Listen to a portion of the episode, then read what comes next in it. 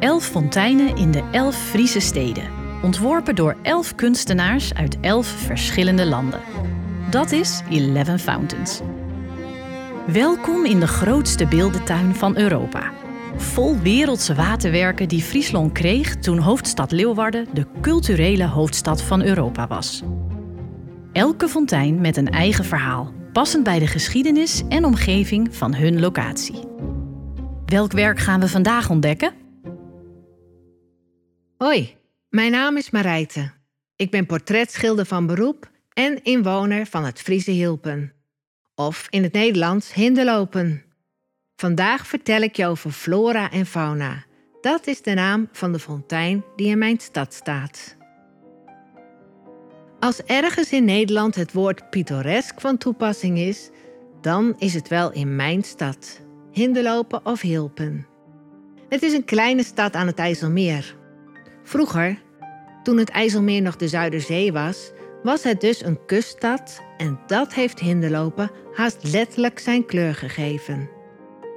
Tegenwoordig is het vooral een stad van schilderkunst, klededracht en een heel eigen geluid.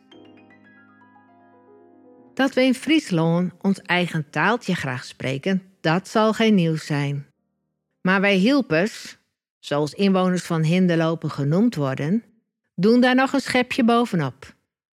Het Fries heeft hier namelijk een heel eigen klank, waar de Friese taal doorvlochten is met o's, e's en o's, spreken wij Hilpers het uit zoals het in het Oud-Fries klonk. Middeleeuws dus.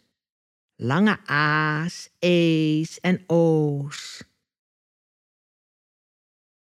Hoe wij hier spreken is een officieel dialect.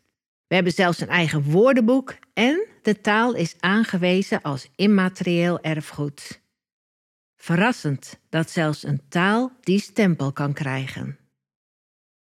Overigens is Hinderlopen een stad die dankzij de unieke cultuur meer van zulke erfgoederkenningen heeft. Maar daarover later meer. We komen hier vandaag voor het nieuwste stukje kunst en cultuur van de stad. De flora en fauna fontein van de Chinese ontwerpster Shen Yuan. De fontein is even uniek en opvallend als onze taal. Het bestaat uit een enorm houten gewei dat op de grond ligt en een lijst vormt rond een koperen levensboom vol fantasierijke vogels. Zulke fonteinen zie je niet overal. De fontein heeft geen bassin, zoals je gewend bent van fonteinen, maar een soort rotstuin, waar het op en omheen gebouwd is. En niet te zuinig ook. De boom is ruim 3 meter hoog en de geweien zijn bijna 8 meter lang en op het hoogste punt dik 2 meter hoog. Dit formaat maakt dat het een behoorlijk indrukwekkend geheel is. Maakster Shen Yuan raakte voor deze fontein geïnspireerd door de levensboom die op het stadswapen van Hinderlopen te vinden is en omringd wordt door een hert en een hinde. De koperen boom met vogels komt uit China, waar lokale vakmensen hun ambacht konden uitoefenen op het smeden en decoreren van dit middenstuk, waar ook het water door en overheen stroomt. In de boom zitten vijf paradijsvogels, exotisch en rijk versierd, met verschillende technieken en materialen. Ze spuwen het water bijna naar elkaar toe, alsof ze elkaar wat te vertellen hebben. Omdat het zo'n dynamisch en groots waterwerk is, is het ook in de wintermaanden even prachtig. Je kunt het hele jaar dus genieten van de glanzende levensboom, het indrukwekkende houten gewei en de kleurrijke vogels. Die rijk versierde vogels worden trouwens ook wel voorspoedvogels genoemd. En ze staan symbool voor een behouden vaart. Wat nou zo bijzonder is, vond ook Xian Yuan, is dat die exotische paradijsvogels ook voorkomen in de vlag van Hinderlopen. Dat heeft alles te maken met de rijke periode waarin de VOC exotische invloeden van onder andere India, mee terugnam naar Hinderlopen. Daardoor kwam de afbeelding van de voorspoedvogel, ook wel Garuda genoemd, veelvuldig voor in de rijk versierde kleding van Hilpervrouwen.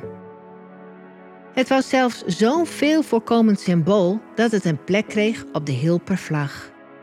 En daar staat hij nog altijd. En over die rijk versierde kleding vertel ik je straks nog meer.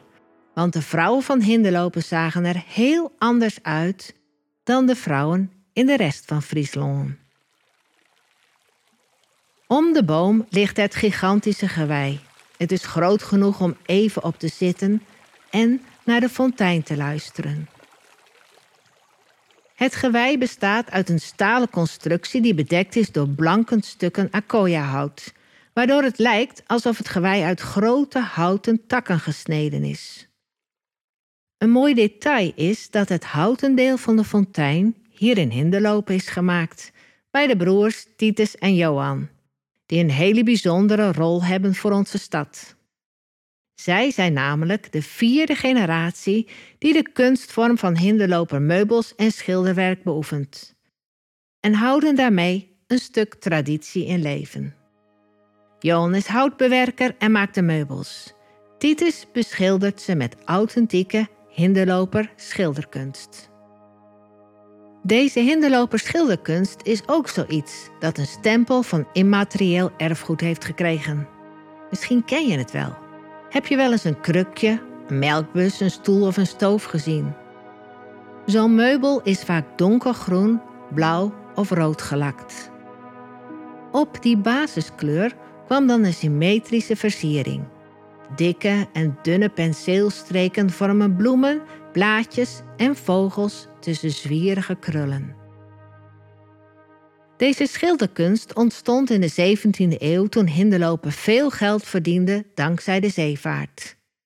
De schepen voeren de wereld over, maar kwamen vooral veel in Scandinavië om te handelen in hout. Op die reizen kwamen de hinderlopers in aanraking met de Scandinavische schilderkunst, waar de hinderloperstijl ook duidelijk op gebaseerd is. En omdat die handel zo goed ging, hadden de hielpers de luxe om hun huizen te versieren met al dat moois. Houtsnijwerk, meubels, schilderwerk. Zelfs hele huizen werden beschilderd met de zwierige decoraties. Her en der wordt in onze stad het ambacht van hinderloper meubel en schilderkunst nog uitgevoerd. Je kunt zomaar binnenlopen bij Bootsma in het Schaatsmuseum of bij Roosje Hinderlopen aan de Nieuwstad. Daar kun je zien hoe precies ze te werk gaan en hoeveel tijd het kost om een tafel of stoel te beschilderen. Goed, ik begon mijn verhaal over hinderlopen en immaterieel erfgoed, zoals de taal en schilderkunst. En daar heb ik nog een laatste onderwerp aan toe te voegen: klededracht. Je zult ons er niet zo vaak meer mee over straat zien lopen. Maar van oudsher kende Hinderlopen een heel bijzondere kledingstijl. Vooral de vrouwen droegen kleurrijke, grootse en rijk versierde jassen, schorten en hoofddeksels. Een getrouwde vrouw droeg op haar hoofd een voorvlechter. Dat kun je het best omschrijven als iets wat tussen een muts en een hoedje in zit. Misschien klinkt het wat oneerbiedig, maar het lijkt op een klein emmertje op de kop met daaromheen een doek met flappen gevouwen. De ongehuwde vrouwen droegen alleen een geruit mutsje van een stijve stof. Met de halsdoeken konden vrouwen laten zien of een hart bezet was. Had ze de halsdoek aan de linkerkant in haar korset of rijglijf gestoken, dan viel de stof over haar hart en was ze niet meer beschikbaar. En aan de kleuren van de klederdracht was te zien of een vrouw in de rouw was. De kleurrijke stoffen werden dan verruild voor blauw of blauw met rood. Aan het einde van de 19e eeuw verdween de hinderloper klededracht uit het straatbeeld. Maar gelukkig kun je in ons museum nog veel bijzondere stukken zien. Bij dat museum zit ook de VVV. Hier kun je een routekaart kopen waarmee je een mooi stuk door onze stad wandelt om alle hoogtepunten te zien.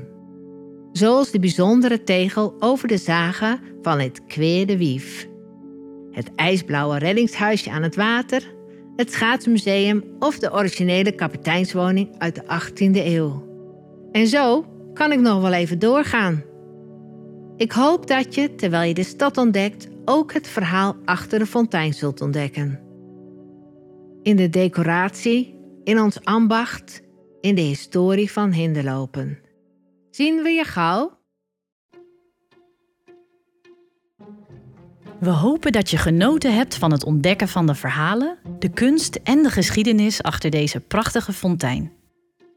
We nodigen je uit om ook een van de andere afleveringen in deze serie te beluisteren. Zo kom je achter het verhaal van de walvis, de kieviet en de onsterfelijke bloemen.